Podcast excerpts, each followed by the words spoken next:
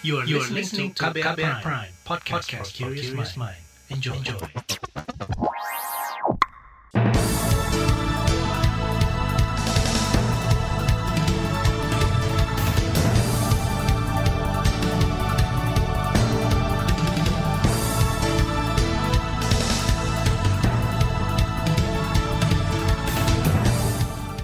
Selamat pagi saudara, senang sekali kami bisa menjumpai Anda melalui program Buletin Pagi edisi Senin 9 Januari 2023. Saya Naomi Liandra, sejumlah informasi pilihan telah kami siapkan, di antaranya Perpu Cipta Kerja tak lindungi pekerja. Indonesia kembali dapat kuota haji 100%. Pemerintah klaim menjalankan rekomendasi tragedi Kanjuruhan. Inilah Buletin Pagi selengkapnya. Terbaru di Buletin Pagi. Peraturan pemerintah pengganti Undang-Undang Perpu Cipta Kerja masih menuai polemik. Salah satunya terkait klaster ketenaga kerjaan yang dinilai tidak melindungi buruh atau pekerja. Antara lain soal aturan upah, alih daya atau outsourcing hingga pesangon. Padahal sebelum Perpu diterbitkan, buruh dan pengusaha telah mencapai kesepakatan soal ketenaga kerjaan, antara lain terkait pesangon dan upah. Menurut Presiden Partai Buruh, Said Iqbal. Nah, sembilan poin atau sembilan isu yang telah ada kesepahaman itu tidak ada satupun yang kemudian tersirat ataupun tersurat di dalam isi Perpu. Dengan demikian, Partai Buruh dan KSPI berpendapat menolak isi Perpu nomor 2 tahun 2022. Jadi tidak benar kalau Perpu nomor 2 tahun 2022 memberikan uh, nilai lebih buat buruh dalam perlindungannya. Demikian. Presiden Partai Buruh Said Iqbal menyebut penghitungan upah di dalam Perpu tidak sesuai harapan buruh. Hal ini berpotensi menggerus daya beli buruh yang ujungnya bisa memengaruhi pertumbuhan ekonomi.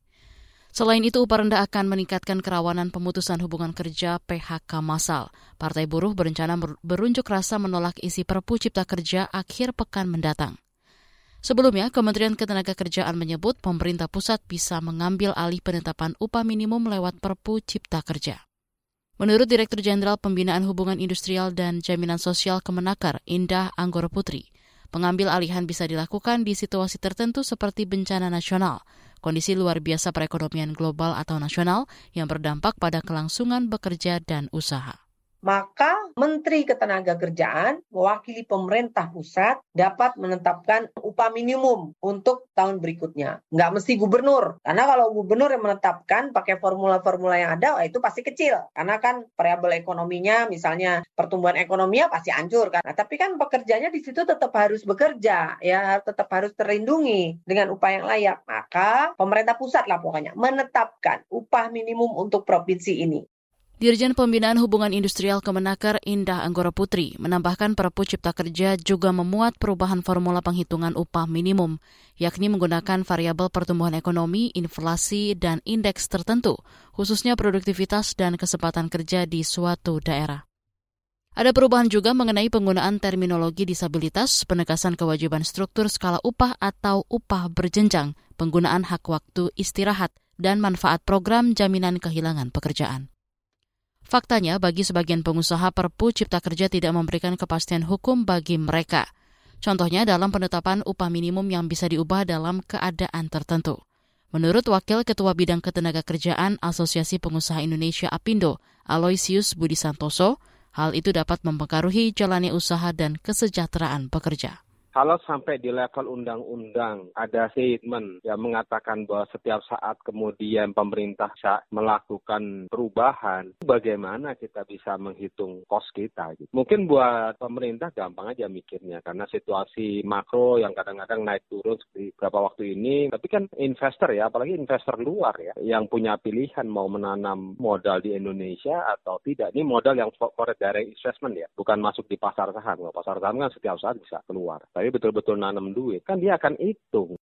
Wakil Ketua Bidang Ketenagakerjaan Apindo Aliosius Budi Santoso menilai Perpu bisa mengganggu proses masuknya investasi ke dalam negeri, sebab bagi pengusaha perspektif investasi harus 5 hingga 10 tahun, termasuk rumusan penghitungan upah. Apindo berharap ada perbaikan kebijakan yang dapat memberikan kepastian hukum bagi dunia ketenagakerjaan, termasuk aturan turunan dari Perpu Cipta Kerja. Pakar hukum ketenaga kerjaan menilai isi dalam Perpu Cipta Kerja masih mengakomodasi pasal-pasal bermasalah di Undang-Undang Cipta Kerja yang telah dinyatakan inkonstitusional bersyarat oleh Mahkamah Konstitusi MK.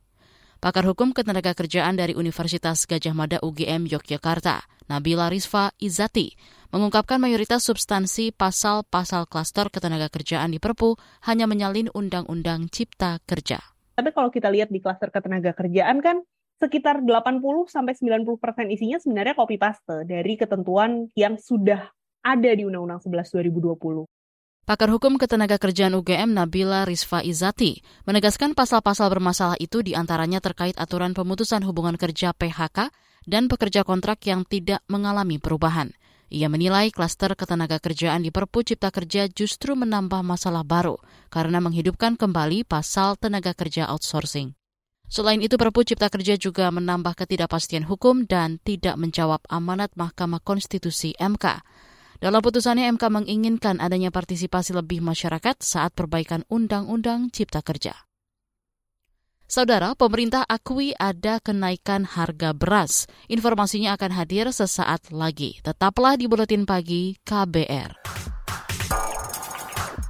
You're listening to KBR Pride, podcast for curious mind. Enjoy!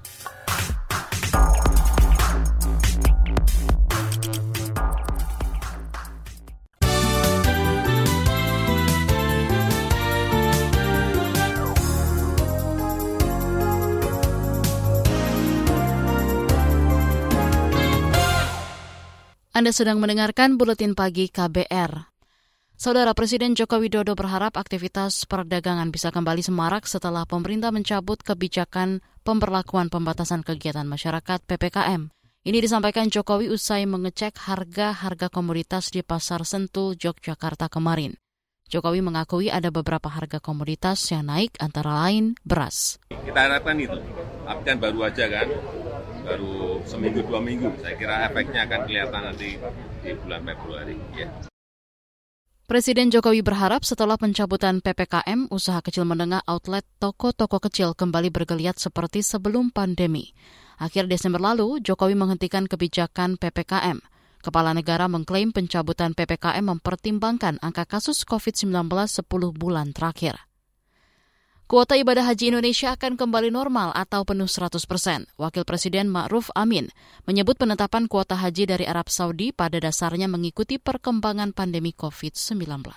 Kalau soal kuota haji, saya kira pada saatnya memang harus kembali ya, karena kalau sudah keadaan normal itu kan kembali ke normal. Dan Indonesia pernah mendapatkan kuota sampai 200 lebih 210 saya kira. Karena itu kita sekarang sudah harus menyiapkan diri untuk uh, memberangkatkan jamaah sejumlah paling tidak ya 210 itu sesuai dengan kuota bahkan bisa mungkin lebih.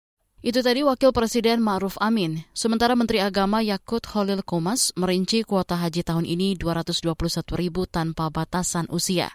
Sekira 200-an ribu di antaranya untuk jemaah haji reguler, 4.200 petugas, dan 17 ribu lebih untuk jemaah haji khusus. Kuota jemaah haji itu tertuang dalam kesepakatan bersama yang ditandatangani Yakut Holil Komas bersama Menteri Haji dan Umroh Arab Saudi Taufik Al-Rabia di Jeddah. Saudara, pemerintah mengklaim penggantian atau reshuffle menteri di Kabinet Indonesia Maju bukan karena alasan politis. Menurut tenaga ahli utama di kantor staf Presiden KSP Ade Irfan Pulungan, reshuffle didasarkan pada evaluasi kinerja pada para pembantu presiden. Siapa siapa misalnya menterinya ya yang uh, masih katakanlah dalam tanda petik ya lambat menjalankan program yang telah ditentukan oleh presiden. Presiden itu selalu mengevaluasi semua kinerja aparatnya, bukan hanya menteri. Kami aja di KSP dievaluasi. Jadi kita semua harus bergerak bersama-sama. Ya nanti siapa yang di reshuffle itu konteksnya adalah uh, kinerja, bukan konteks dalam hal-hal sifatnya politik ya gitu. Itu tadi tenaga ahli utama KSP Ade Irfan Pulungan. Pekan lalu, Presiden Jokowi berencana melakukan reshuffle terhadap kabinetnya. Jokowi belum merinci kapan dan siapa nama-nama menteri yang akan dirombak. Kabar Pemilu Kabar Pemilu Kita ke informasi pemilu. Delapan partai politik menolak wacana penyelenggaraan pemilu 2024 dengan sistem proporsional tertutup. Delapan parpol itu di antaranya Partai Golkar, PAN, PKB, PPP, Nasdem, PKS, dan Gerindra. Ketua Umum Partai Golkar, Airlangga Hartarto beralasan sistem itu merupakan kemunduran demokrasi karena rakyat tidak bisa memilih langsung anggota calon legislatif yang dicalonkan partai politik. KPU tetap menjalankan tugasnya sebagai penyelenggara pemilu dengan menjaga netralitas dan independensinya sesuai dengan peraturan perundang-undangan. Yang keempat, kami mengapresiasi kepada pemerintah yang telah menganggarkan anggaran pemilu 2024 serta kepada penyelenggara pemilu, terutama KPU, agar tetap menjalankan tahapan-tahapan pemilu 2024 sesuai yang telah disepakati bersama. Menurut Erlangga Hartarto yang juga inisiator pertemuan delapan partai ini, penegasan sikap politik penting mengingat peraturan penyelenggaraan pemilu proporsional terbuka tengah digugat di Mahkamah Konstitusi. Erlangga juga menilai gugatan itu bisa menjadi presiden buruk bagi hukum negara dan kedelapan partai akan mengawal isu terkait pemilu dengan pertemuan lanjutan. Kita ke informasi mancanegara. Perdana Menteri Malaysia Anwar Ibrahim akan bertemu Presiden Indonesia Joko Widodo di Istana Kepresidenan Bogor, Jawa Barat hari ini. Ada beberapa perjanjian yang akan ditandatangani dalam pertemuan itu. Menteri Luar Negeri Malaysia Zamri Abdul Kadir dilansir dari The Star menyebut akan ada prosesi penyerahan sebelah surat ketertarikan atau letter of interest dari perusahaan Malaysia untuk bekerja sama terkait pengembangan ibu kota Nusantara di Kalimantan Timur. Kunjungan Anwar Ibrahim ke Indonesia juga akan membicarakan isu terkait perbatasan perdagangan pekerja migran dan kelapa sawit. Saudara, China telah membuka perbatasan dengan Hong Kong setelah ditutup selama tiga tahun imbas COVID-19. Perbatasan itu dibuka menyusul berakhirnya kebijakan nol COVID yang diterapkan China. Mengutip Reuters, pelancong dari Hong Kong terlihat mulai berdatangan ke China, baik lewat darat dan laut. Selain membuka perbatasan dengan Hong Kong, China juga mengakhiri persyaratan karantina bagi pelancong yang datang. Beralih ke berita olahraga, Pelatih timnas Indonesia Sinteyong ingin anak asuhannya menang atas Vietnam lewat waktu normal atau 90 menit pertandingan di leg kedua semifinal Piala AFF 2022. Dalam konferensi persnya, Taeyong menilai kekuatan Indonesia dan Vietnam setara di Piala AFF 2022, sehingga menurutnya tak ada alasan takut mematok target menang di Hanoi. Di laga kedua semifinal hari ini, Vietnam menjamu Indonesia di Stadion Maidin Hanoi. Pada laga sebelumnya di Jakarta, kedua tim bermain imbang tanpa gol. Indonesia memerlukan kemenangan atau minimal imbang dengan gol karena perhitungan agregat untuk bisa ke final Piala AFF 2022. Manchester City menumbangkan Chelsea 4-0 dalam laga ketiga Piala FA di Stadion Etihad minggu malam. Masing-masing gol kemenangan City dicetak Riyad Mahrez dengan dua gol, satu di antaranya dari penalti. Dua gol lain dari Julian Alvarez dan Phil Foden. Di babak keempat, City akan bertemu dengan Arsenal. Bagi Chelsea, ini adalah kali pertama mereka tersingkir dari putaran ketiga Piala FA sejak 1998. Di bagian berikutnya kami hadirkan bagian pertama dari saga KBR tentang kerugian berlapis akibat polusi udara. Tetap di Buletin Pagi KBR. You're listening to KBR Pride, podcast for curious mind. Enjoy!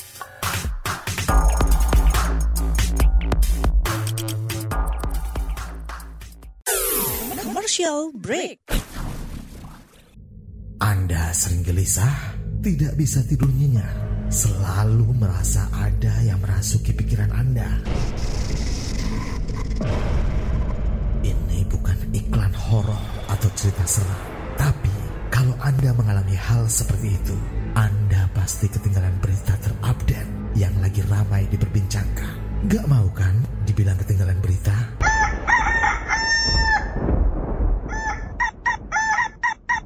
Makanya dengerin KBR Pagi, siaran pagi radio paling update menghadirkan narasumber yang terpercaya dan kredibel. Banyak lagu-lagu dari zaman old sampai zaman now. Setiap hari Senin sampai dengan Jumat mulai pukul 7 sampai 8 waktu Indonesia Barat. Bisa didengerin dari Aceh hingga Papua. Cukup satu jam saja untuk membuat kamu tetap update.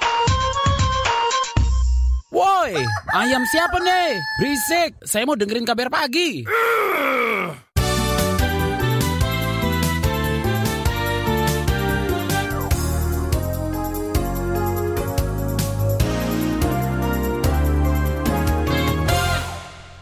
Anda masih bersama kami di Buletin Pagi KBR. Saudara, Jakarta kerap masuk daftar kota dengan kualitas udara terburuk. Menurut Indeks Kualitas Udara Air Quality Index AQI pada September 2022, DKI menjadi yang terburuk di dunia diikuti Beijing dan Dhaka.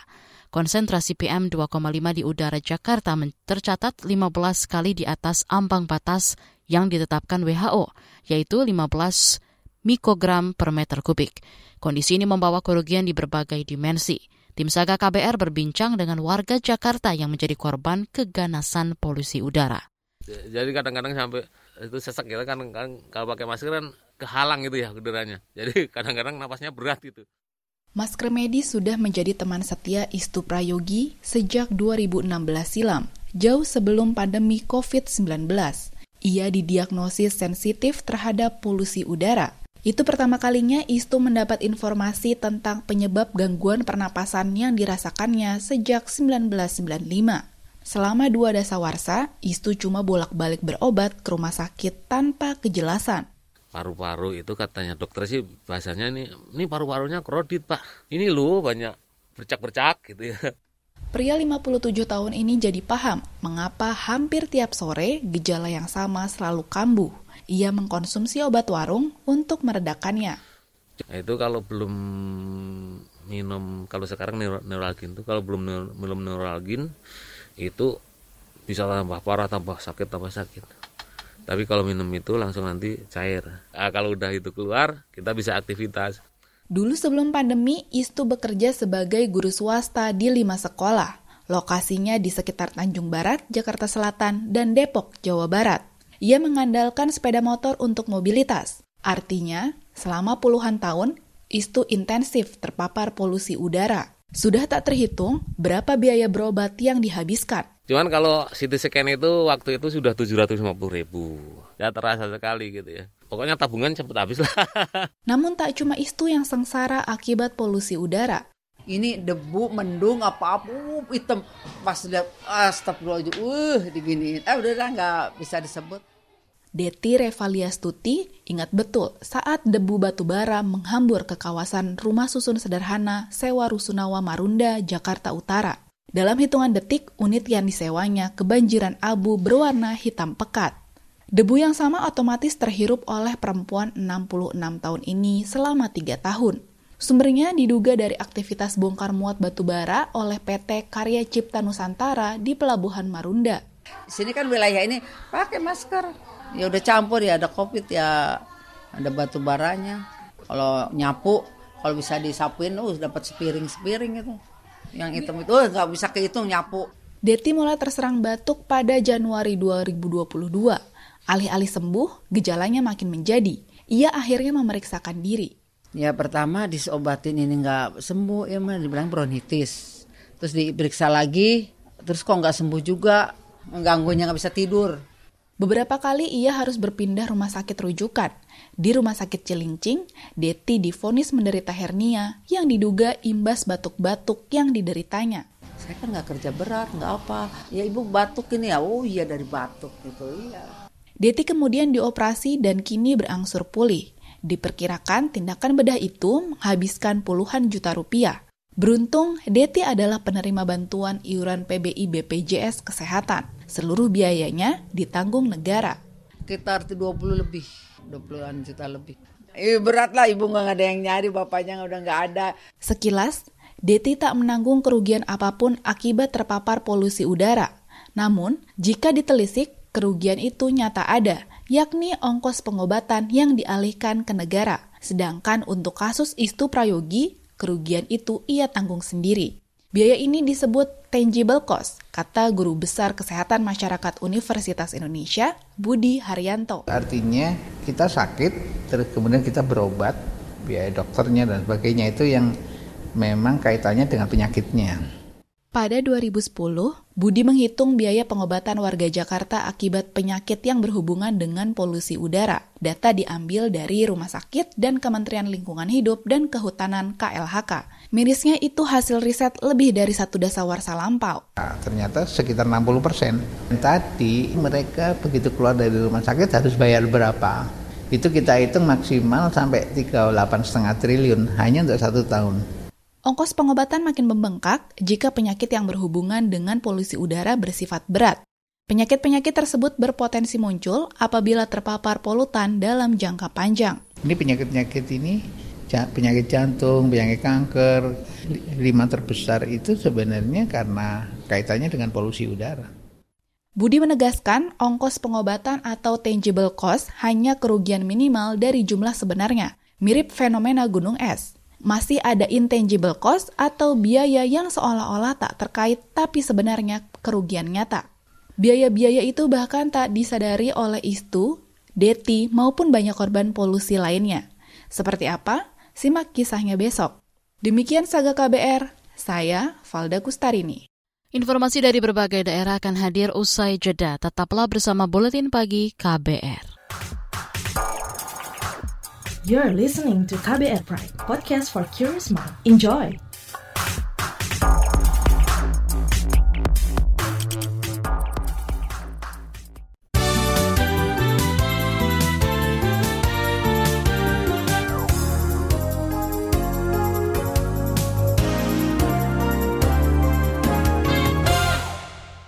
Inilah bagian akhir buletin KBR. Pemerintah mengklaim telah menjalankan seluruh rekomendasi dari temuan Tim Gabungan Independen Pencari Fakta atau TGPF terkait tragedi di Stadion Kanjuruhan Malang, Jawa Timur. Menteri Koordinator Bidang Politik, Hukum, dan Keamanan Menko Polhukam Mahfud MD mengatakan ia juga telah memanggil sejumlah pihak termasuk kepolisian untuk menjalankan rekomendasi TGPF. Semuanya jalan kok. Stadion, akan direnovasi sampai sebanyak 16 juga udah mulai jalan sekarang. Semuanya mulai dulu dari Kanjuruhan dan sebagainya. Menko Polhukam Mahfud MD kembali menegaskan peristiwa Kanjuruhan tidak termasuk pelanggaran HAM berat. Hal itu berdasarkan pernyataan Komnas HAM yang memiliki kewenangan atas status itu. Ia menegaskan pemerintah tidak berhak mengintervensi Komnas HAM terkait kewenangan menentukan status sebuah peristiwa. Tragedi di Stadion Kanjuruhan Malang terjadi setelah Arema kalah melawan Persebaya Surabaya awal Oktober 2022. Tercatat 135 orang meninggal akibat tragedi tersebut. Gunung Merapi di Sumatera Barat erupsi dan mengeluarkan abu vulkanik Sabtu akhir pekan lalu.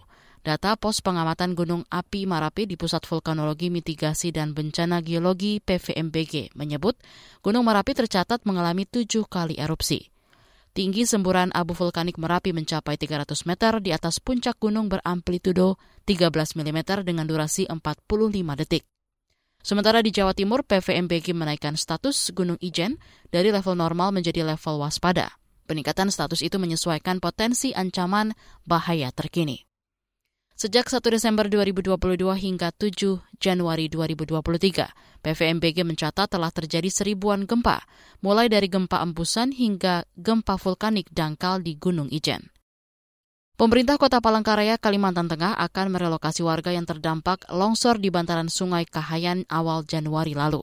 Wali Kota Palangkaraya, Fairit Naparin, meminta warga tidak membangun lagi tempat tinggal di lokasi yang sama demi keselamatan. Pada saat ini kami juga sudah memetakan zona risiko tinggi, ya, rendah dan sedang. Nanti kalau memang memang kata kuncinya adalah pemindahan. Nah, tapi kami memang sudah tahap proses itu. Jadi solusi-solusi itu kan karena di sini selain selain longsor juga banjir. Dan ini tentu harus kesepakatan bersama. Tadi kan sudah sedikit banyak bersama warga sudah ada terjadi kesepakatan-kesepakatan. Apa yang diinginkan warga juga sudah disampaikan ke saya. Sebanyak delapan kepala keluarga kehilangan tempat tinggal imbas longsor di bantaran sungai Kahayan, Kalteng. Pemkot Palangkaraya telah memetakan kawasan pemukiman tempat itu menjadi kawasan berisiko tinggi terdampak longsor dan banjir. Informasi tadi menutup jumpa kita di Buletin Pagi hari ini. Pantau informasi terbaru melalui kabar baru, situs kbr.id, Twitter di @beritaKBR, serta podcast di alamat kbrprime.id. Saya Naomi Liandra bersama tim yang bertugas undur diri. Salam.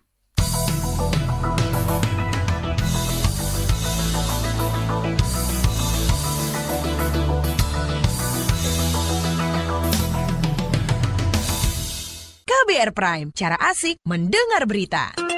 KBR Prime, podcast for curious mind.